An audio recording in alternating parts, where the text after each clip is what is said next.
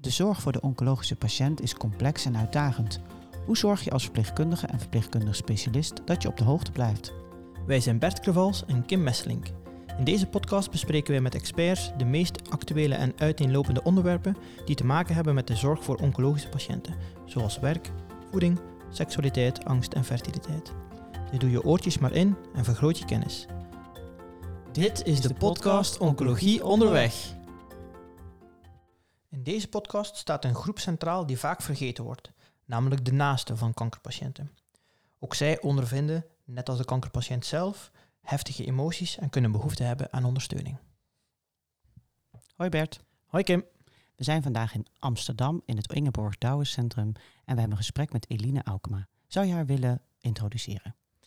Eline Aukema is psycholoog in en hoofd van het Ingeborg Douwen Centrum, het Centrum voor Psychosociale Zorg voor kankerpatiënten en hun naasten in de regio Amsterdam.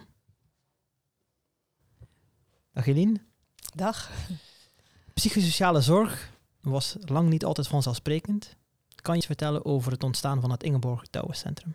Ja, zeker. Rudy Butselaar was uh, chirurg in het uh, Lucas Andreas ziekenhuis, nu ALVG West. En hij uh, vond het armoede dat er eigenlijk geen zorg was voor de psychische problemen en klachten waar zijn patiënten mee worstelden. En hij zag dat en hij had zoiets, dat moet toch anders. En zo is hij de drijvende kracht geweest achter het centrum. En op datzelfde moment um, was Ingeborg Douwers uh, ziek, een moeder van drie jonge kinderen. En zij had behoefte aan psychische zorg en zag eigenlijk dat het er helemaal niet was.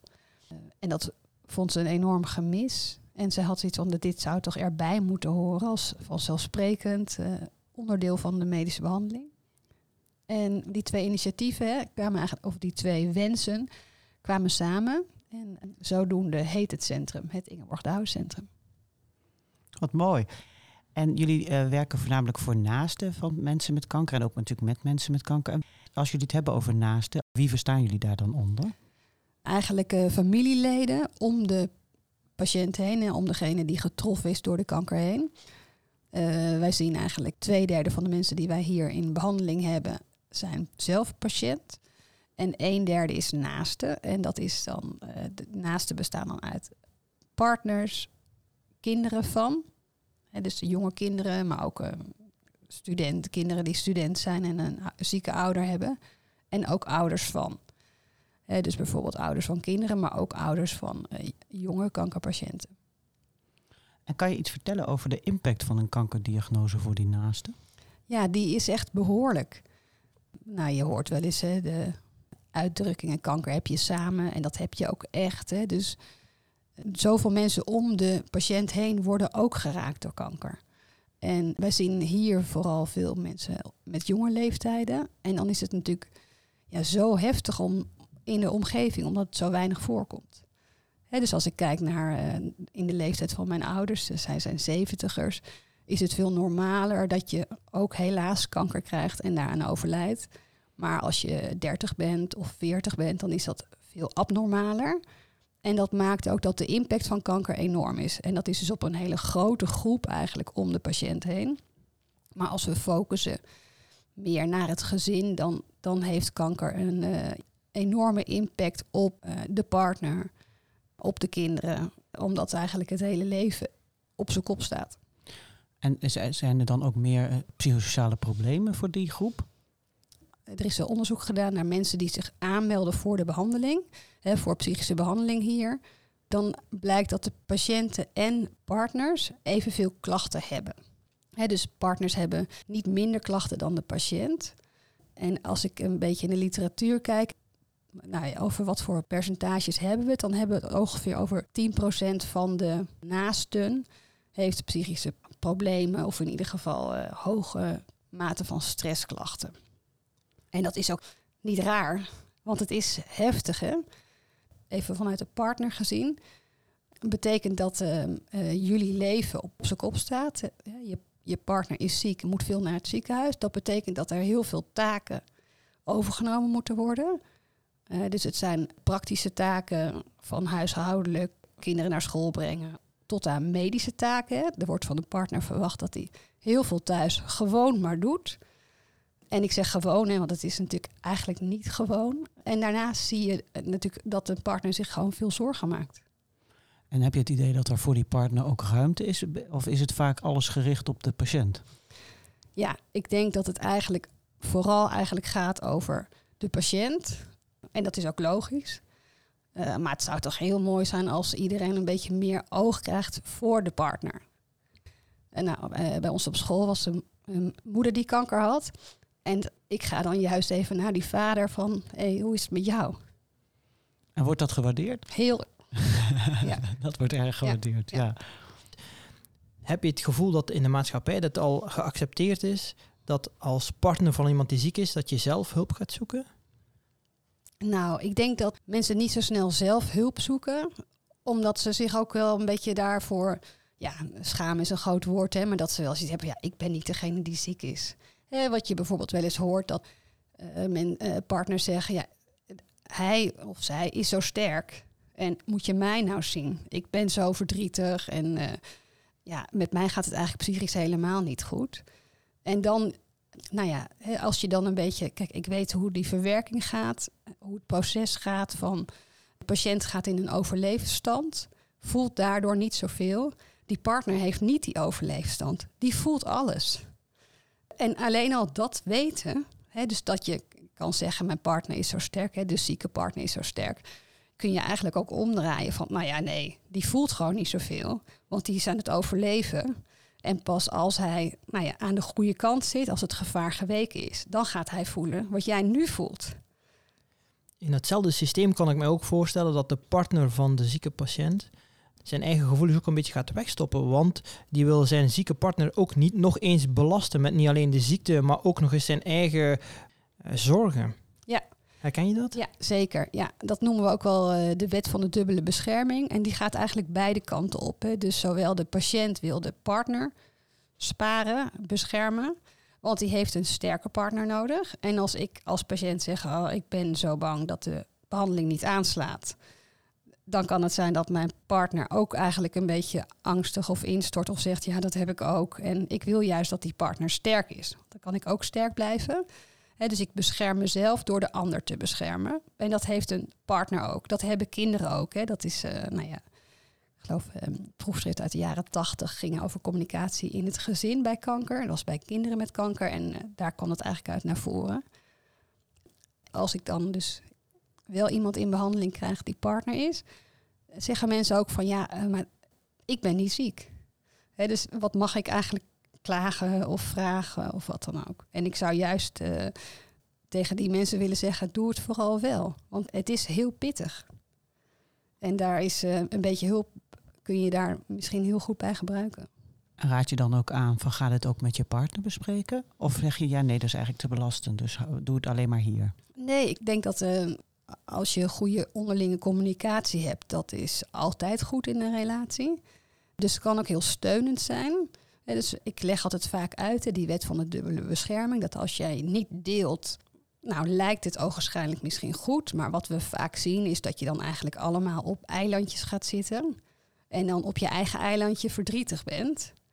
En om dat dan te beseffen is eigenlijk ook wel heel uh, pijnlijk. Dus ik nodig eigenlijk partners en patiënten altijd uit om eens bij de, de ander op dat eilandje te gaan kijken. Hoe is het daar bij jou? En we weten eigenlijk hè, dat ook samen verdrietig zijn of samen bang zijn, is soms eh, of vaak fijner dan, dan dat in je eentje allemaal doen. Zijn er um, risicofactoren? Is dat uh, onderzocht? Welke patiënten meer nood hebben aan begeleiding, aan uh, professionele hulp dan uh, andere naasten? Ja, als je kijkt naar wat de risicofactoren zijn, dan is dat eigenlijk vooral vrouwen. Hè, dus dat zien we ook überhaupt, hè, dat vrouwen meer ja, psychisch meer last hebben van de ziekte. Dus bijvoorbeeld meer depressieve klachten laten zien, zowel als patiënt, maar ook als naaste. Uh, jongere leeftijd uh, is ook een uh, belangrijke. En bijvoorbeeld ook mensen die al eerder psychische problemen hebben gehad. En daarnaast is ook wel een risicofactor als mensen zich echt veel minder sociale contacten hebben. En, en, dat is natuurlijk ook wel logisch. Wij hebben hier een apart programma voor mantelzorgers. eh, voor iemand met een hersentumor of hersenmetastase. En dat is natuurlijk weer een hele unieke groep eigenlijk. Eh, maar daar zien we ook veel, en dat heet dan in de literatuur caregiver burden. Een soort uitputting van de mantelzorger, wat vaak een partner is. Eh, omdat het gewoon ja, heftig is. En wat je hebt, hè, je, je krijgt dus allemaal rollen erbij, taken erbij, en veel zorgen erbij. En dat moet je allemaal maar handelen. Dus je moet je steeds aanpassen. En mensen voelen zich vaak, of partners voelen zich vaak een beetje schuldig als ze iets voor zichzelf gaan doen. Want wat is er zo specifiek aan die patiënten met een hersentumor als je het vergelijkt met andere kankerpatiënten? Uh, nou, wat je vaak ziet is, uh, zeker als, als de patiënt echt ziek wordt, dat je natuurlijk veel hulp nodig hebt. He, dus dat iemand niet meer alleen kan zijn of dat uh, iemand niet meer alleen mag reizen. Nou, als je ziet wat dat voor impact heeft als je elke week naar het ziekenhuis moet of elke dag voor een bestraling. En, en dan, ja, je wordt veel afhankelijker van de partner. Doordat je dus bijvoorbeeld eh, met de kans op epileptische aanval bijvoorbeeld, dat je niet meer mag rijden. Precies, ja. Uh, stel je als verpleegkundige, uh, signaleer je zo'n caregiver burden, om het maar even zo te zeggen. Mm. Wat, wat zou nou een eerste tip kunnen zijn die je als verpleegkundige ge kan geven aan die mantelzorger? Nou, volgens mij is uh, de belangrijkste tip het opmerken en aandacht hebben voor die partner. Wat ik hoor in de spreekkamer is dat uh, nou, verpleegkundigen zo gewaardeerd worden door mensen. Om, en juist in de kleine dingen. Dus alleen al een keertje vragen: Goh, lukt het eigenlijk met jou? Of hoe is het met jou? Daarvan krijgt iemand al een gevoel van: Oh, wat fijn, ik word ook gezien. Ja, dat is dan het voornaamste, je wordt gezien. Ja. ja. En ik denk dat het goed is hè, dat je uh, als ik ook les geef aan verpleegkundigen, zeggen ze ook wel eens van ja, ik weet dan ook niet wat ik moet zeggen of doen. En uh, ik weet niet hoe ik het kan oplossen. Ja, daar staan we bekend op. Ja. Dat we graag op zoek gaan naar oplossingen. Ja. Dus ja. graag en, nu drie oplossingen. Ja, nou, ik denk dat uh, die zijn er dus niet. Hè? En het gaat er dus niet om dat jij het moet oplossen. Dus ik denk dat het gewoon heel goed is als je tegen jezelf zegt: Oké, ik hoef het niet op te lossen. Maar kan wel even iemand naast iemand gaan staan. Of ik kan even dus bij iemand op dat eilandje kijken van joh, hoe heb jij het hier? En even iemand zijn hand vasthouden. Dat is dan misschien iets praktisch of wel iets doen. Of even samen een glaasje water drinken. Of even samen naar buiten kijken door het raam. Of gewoon even een momentje. Dat is uh, goud waard. Dus het gaat eigenlijk helemaal niet over de grote dingen. Het gaat helemaal niet om de grote dingen. Nee. Nee. Hoef niet de hele hulpverleningsinstanties meteen in te schakelen. Nee, zeker niet. Nee, ik denk dat als je vraagt van, goh, hoe is het bij jou? Lukt het eigenlijk hè, thuis? Nou, uiteraard hebben jullie al gevraagd, zijn er kinderen? Hè, want uh, nou, dat is een belangrijk onderwerp. Daar gaan we het niet per se nu over hebben, maar hè, ik ga ervan uit dat dat natuurlijk al gevraagd is. En dat iemand zegt, hè, denk je ook een beetje aan jezelf. Kan iemand anders helpen, zodat jij dan misschien even kan sporten of iets anders doen wat je fijn vindt. Hè? Maar kun je hulptroepen inschakelen en een beetje uitleg geven misschien hè, over uh, dat je het als partner heel anders beleeft dan als patiënt en dat het als partner ook ingewikkeld is kanker hebben. Dat is zo helpend. Hè? Mensen, kijk, als verpleegkundige zie je het de hele dag door. En, ja. en vind jij planeetkanker normaal? Maar die patiënt en zijn partner, die komen in een nieuwe wereld eh, waar ze niks weten. En dan is het zo belangrijk dat er hulptroepen zijn die zeggen: Goh, kom, ik, ik leid je de weg op planeetkanker. En ik check af en toe, hoe is het met je? En ook, wat kan ik voor je doen of wat heb jij nodig? Ja, ja ik, ik, spreek zelf dan veel AJA's. En laatst had ik ook weer iemand in de spreekkamer. Er zaten twee ouders bij, die keken allebei heel beteuterd. En zij was eigenlijk nog heel uh, positief en optimistisch. En ik zei op een gegeven moment, zit jij eigenlijk uh, veel jouw ouders te troosten? En die mensen die barsten inderdaad in huilen uit. En toen zei ze, ja, dat is inderdaad wat ik de hele dag aan doen. En die ouders voelden zich daar zo schuldig over. Maar zij, kan gewoon niet stoppen. Ik vind het zo erg. Maar zo werkt het. Meestal is het zo dat de patiënten de eerste drie maanden hoor ik niet. Uh, ik zeg, en dan is er inderdaad veel verdriet bij familie. Ik zeg, het is zo mooi geregeld dat dan als die patiënt aan het huilen is, dan is meestal de familie ook wel klaar. Ja, uh, ja. Zeg, dus eigenlijk is het, is het heel goed geregeld. Ja, eigenlijk is het goed geregeld. Ja. Ik hoop dan dat iedereen uh, zo'n verpleegkundige als jij treft, die dat ook doet hè, en die dat ook laten voor we het hopen heeft. niet van altijd. Nou, maar het is zo fijn om erkenning te krijgen en dat iemand ziet van hé, hey, je hebt het zwaar. Dat iemand ook hoort van dat is ook normaal, want het is ook zwaar. En die patiënt is inderdaad uh, tijdens de behandeling vaak sterk, maar is gewoon aan het overleven.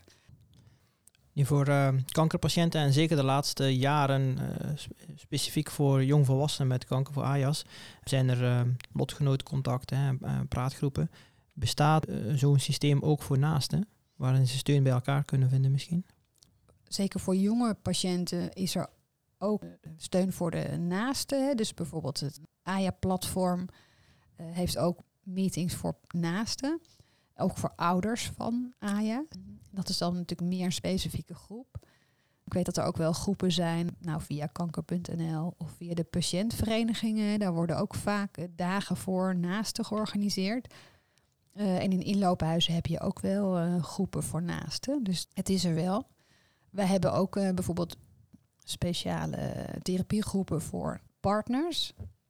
dat zijn eigenlijk vaak partners van iemand met een slechte prognose. En als je hoort en ziet hoeveel ze daaraan hebben, aan, uh, nou, dat, hè, zeker dus wat ik zei, we hebben veel jonge mensen in behandeling. Dus het is heel, uh, in je omgeving heb je niemand die dat heeft. Nou, laat staan niemand die zijn man of vrouw jong gaat verliezen. En dan is het zo fijn om te delen met elkaar hoe je dat doet. En dat je dus tegen de anderen die in datzelfde schuitje zitten, wel durft te zeggen wat je echt vindt en voelt. En als je dat bij je vrienden doet of familie, dan is het allemaal emotioneel natuurlijk uh, ja, heel ingewikkeld. Betekent ook vaak dat je er dus in je eentje mee zit. En dat je het niet deelt. En kun je nou zeggen, zijn er veel mensen die ook uiteindelijk uit elkaar gaan? Als, eigenlijk als gevolg van de kankerdiagnose? Ja, ik heb even zitten kijken, maar eigenlijk in de literatuur wordt dat niet omschreven of is er eigenlijk heel weinig onderzoek. We zien het hier in de praktijk ook niet per se meer. Ik durf er eigenlijk dus niet heel erg iets over te zeggen. Maar wat ik wel weet is dat het, hoe je relatie voordat je ziek was, was uh, is wel uh, heel belangrijk. Dus het eigenlijk je eigen kenmerken worden uitvergroot. En dat zie je ook terug in de relatie. Dus we zien best wel wat mensen die ook uh, uit elkaar groeien. Maar volgens mij is het zo dat er meer mensen naar elkaar toe groeien. Doordat ze dit uh, samen meemaken.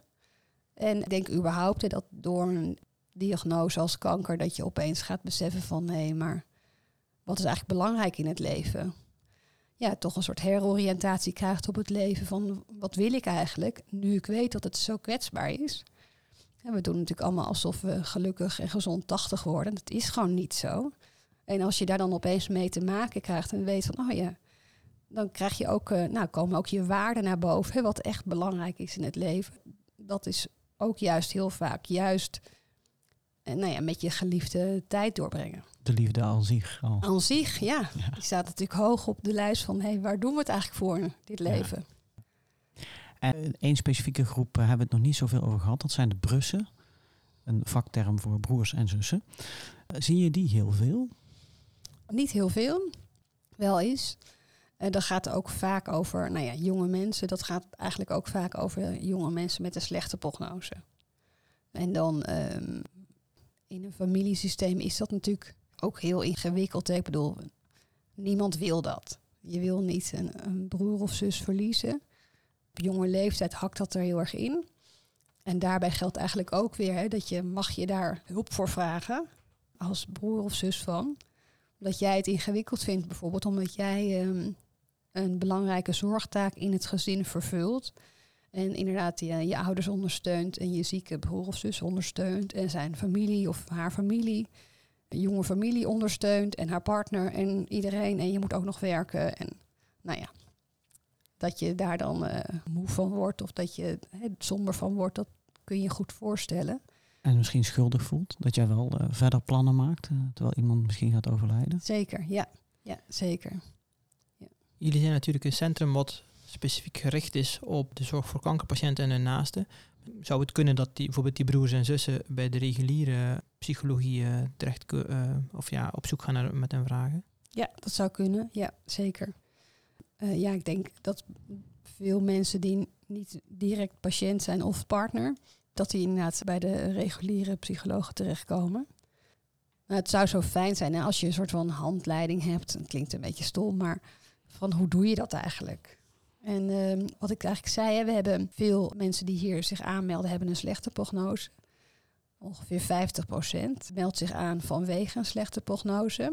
En wat ik zelf altijd wel indrukwekkend vind, als ik met een partner de behandeling afsluit, en dan vraag ik ook altijd van, goh, wat heb je eraan gehad? Zei laatst iemand, ja, je hebt me eigenlijk zo de weg gewezen van waar ik aan moest denken. En eigenlijk steeds zo voorbereid op, nou, wat ik zou kunnen doen, of in ieder geval die opties met me bekeken. En daardoor heb ik de goede keuze kunnen maken.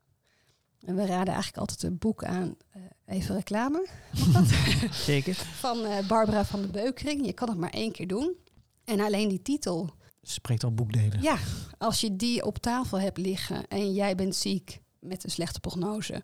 En er ligt een boek, je kan het maar één keer doen. Ja, dan ga je er samen naar kijken van, goh, wat willen we dan? Nu nog? Hoe wil ik het straks?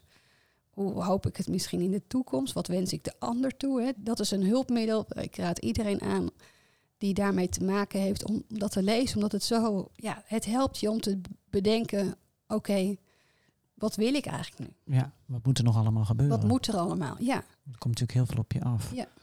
En je spreekt heel veel over mensen met een slechte prognose. Maar we hebben natuurlijk ook wel steeds meer mensen waarbij kanker eigenlijk meer een chronische aandoening is.